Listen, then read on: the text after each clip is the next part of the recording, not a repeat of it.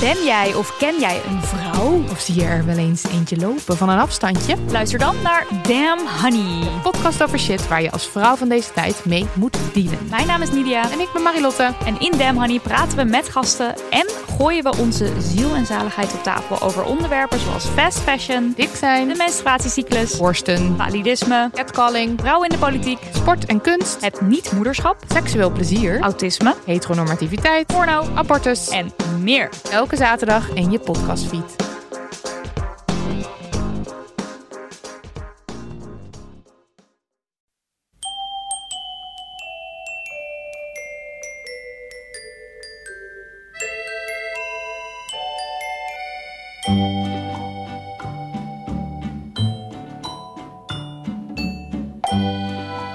Welkom bij aflevering 209 van Echt Gebeurd.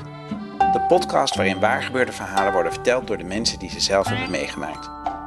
In deze aflevering een verhaal dat Pieter Bouwman in 2012 vertelde tijdens een verhalenmiddag rond het thema Onderweg.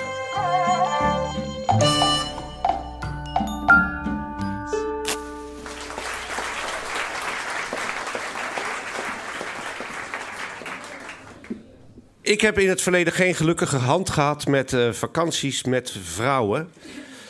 Eh, ik geef even twee korte voorbeelden voordat het echte verhaal begint. Ik ging op een gegeven moment met een toenmalige vriendin, zoals dat heet. Omdat onze relatie wat stroef liep, eh, tien dagen naar Mallorca om wat lucht te krijgen en eh, even de boel de boel. Alleen op het moment dat ik de sleutel van het appartement omdraai, zegt zij: Oh ja, één ding, ik maak het uit. Dus toen konden we nog tien dagen op Mallorca. Ik in de schaduw, want ik moet bij volle maan al oppassen. Eh, de andere keer was eh, ook met een vriendin eh, ging ik naar Italië, naar vliegveld Florence. En ik had al een paar keer goede ervaring gehad met in zo'n fotorollendoosje een klein stukje hash mee te nemen naar Kreta. Dat was me een paar keer gelukt. Alleen deze keer kwam mijn bagage niet uit het vliegtuig, maar wel een meneer met een hond. En pas na uitleg dat ik in Nederland voor radio, televisie en theater werkte, mocht ik weer weggaan. Het verhaal wat ik nu ga vertellen is tien jaar geleden gebeurd. Eh, ik had het toen goed, financieel. Ik kon me echt wel wat permitteren.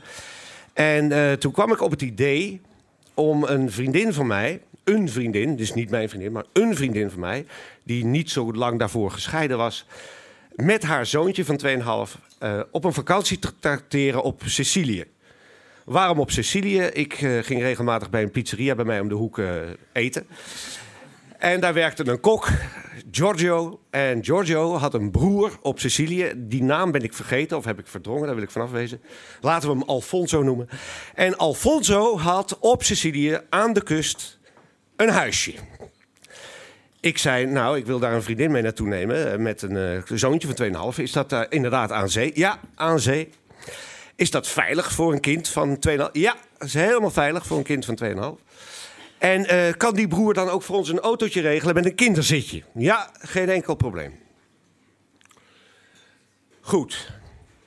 Wij eh, vliegen naar eh, Sicilië. Wij worden opgehaald door Alfonso en zijn vrouw in een klein oud Volkswagen Polootje. Waar wij achterin gepakt moeten zitten met de bagage en alles. En eh, er volgt een rit van ongeveer 80 kilometer. Waarin eh, blijkt dat ik een paar woordjes Italiaans kan. En dat is voor Sicilianen de trigger om gewoon in dialect vol los te gaan. Ik heb die 80 kilometer denk ik op pure intuïtie sí en no gezegd. En we waren natuurlijk heel gespannen eh, waar we terecht zouden komen met eh, het zoontje van Nelke, zo heet die vriendin van mij. Het zoontje heet Jurre. En Jurre was 2,5, dus die eh, hebben een motorisch geduld van ongeveer 10 minuten. Maar die rit met dat Volkswagen Polootje duurde ongeveer een uur. En toen reden we op een gegeven moment, hij sloeg af van de snelweg en hij eh, sloeg een weggetje in. En dat voerde langs een terrein wat eruit zag als eh, gebombardeerd Beirut. Ik zei grappigerwijs tegen Nelke, dat is zo'n afgebouwd, niet afgebouwd maffiaterrein, weet je wel. Dat is leuk. ja, leuk. Italië, Sicilië, leuk, leuk, leuk. Maar Alfonso stopte bij een groot hek van dat terrein. Deed dat open en reed dat terrein op. Wat er dus uitzag als overwoekerde bunkers. En uh, jullie geloven misschien niet, ik heb de foto's bij me. Na afloop kan ik het jullie laten zien. Maar goed, hij reed dat terrein op en er stond één huisje. Wat min of meer af leek. En van binnen was dat ook een redelijk huisje. Alleen daaromheen lag een soort puinrand van tientallen meters. Messcherp puin. Wat dus voor een 2,5-jarig kind niet echt veilig is. De zee, die, waar het huisje aan gelegen zou liggen, zou, uh, zagen wij een heel dun vers streepje daar aan de linkerkant. En verder was er op dat terrein niks. Wij zaten dus met z'n drieën in een huisje omringd door een puinwand en een soort concentratiekamp, hek, waar we de sleutel van hadden gekregen. En ik zei tegen Alfonso, en hoe is het met het autootje met kinderzitje wat wij wilden huren? Ja, dat, uh, hij zou ons dan de volgende dag zou hij mij ophalen en dan zouden we naar de, de stad in de buurt gaan. En dat was allemaal helemaal in orde. Wij, dus, nou ja, goed, wij overnachten daar. En ik word de volgende ochtend wakker van een geluid. Ja, Alsof er een rode kiepauto in de keuken een lading puin stond te storten. Jurre, het zoontje, kwam heel enthousiast op ons uh, afgelopen. Mama, Pieter, uh, kiepauto. En wij, uh, ik stond op en ik ging naar buiten. En inderdaad, daar stond een kiepauto. Een enorme lading nieuw puin op wat ons terrasje was te kieperen.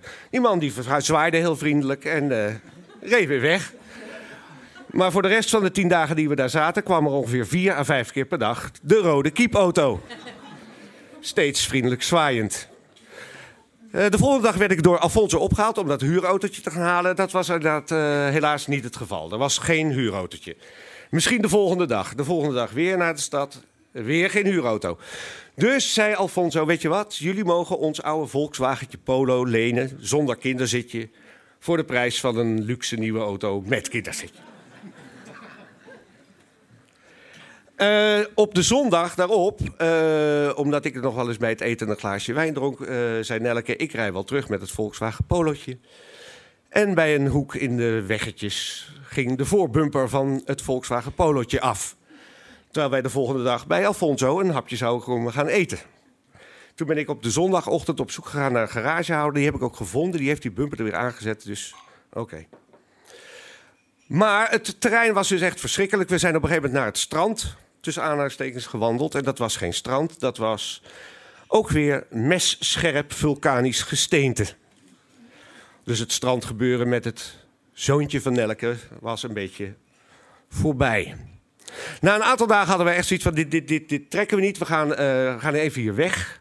We gaan naar uh, Palermo, daar wilde ik graag naartoe. En we zoeken een vissersplaatje of wat dan ook op, ergens aan de kust. En dan boeken we een klein hotelletje voor één of twee nachten. En dan uh, bezoeken we Palermo, weet ik veel wat. Dus we kwamen aan, inderdaad, mooi vissersplaatsje, hotelletje. Uh, wij ons ingeschreven, Nelke met haar zoontje in de ene kamer, ik in de andere kamer. En we waren kapot van de afgelopen dagen. Dus we gingen even een dutje doen. Alleen het was voorseizoen en dat wordt in Sicilië gebruikt om het hotel op te knappen. Dus op het moment dat wij ons hoofd te rusten terecht begonnen de drillboren.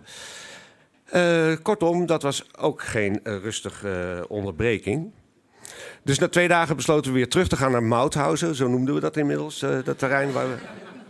Dat was een vrij poëtische inval. En op de terugweg daarvan werd ik gebeld door een andere vriendin van mij. Dat, die had een reisbureau, die had onze reis geboekt, de, de vliegreis. En die zei, weet je wat leuk is? Jullie vlucht terug is gecanceld, jullie kunnen twee dagen langer blijven. Goed, twee dagen langer blijven.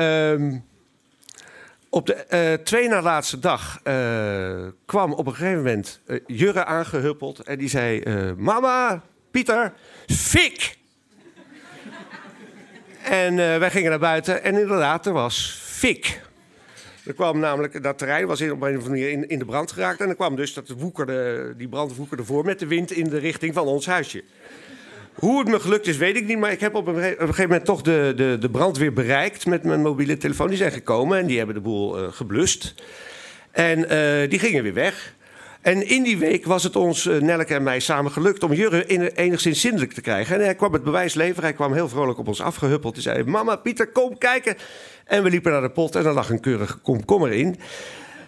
Die we een naam hebben gegeven en afscheid genomen en een goede reis gewenst. Alleen er was geen water meer. De brandweer had al het water en de druk opgeheven.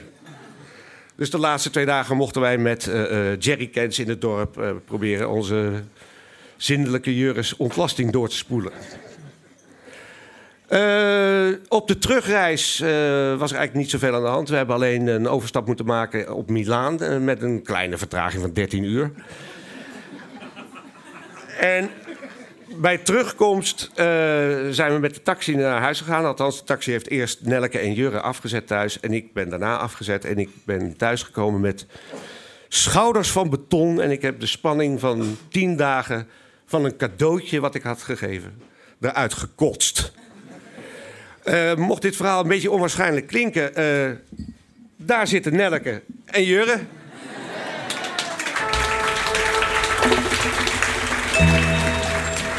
Dat was het verhaal van Pieter Bouwman.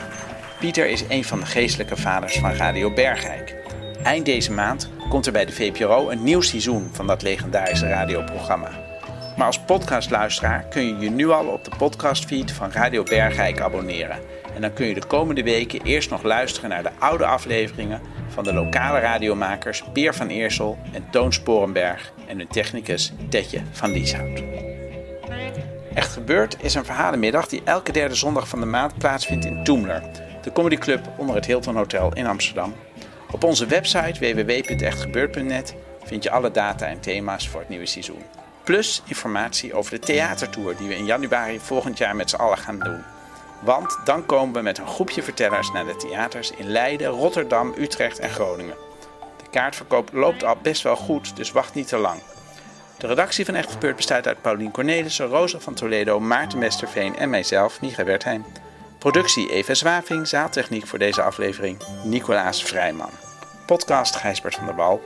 Dit was aflevering 209. Bedankt voor het luisteren.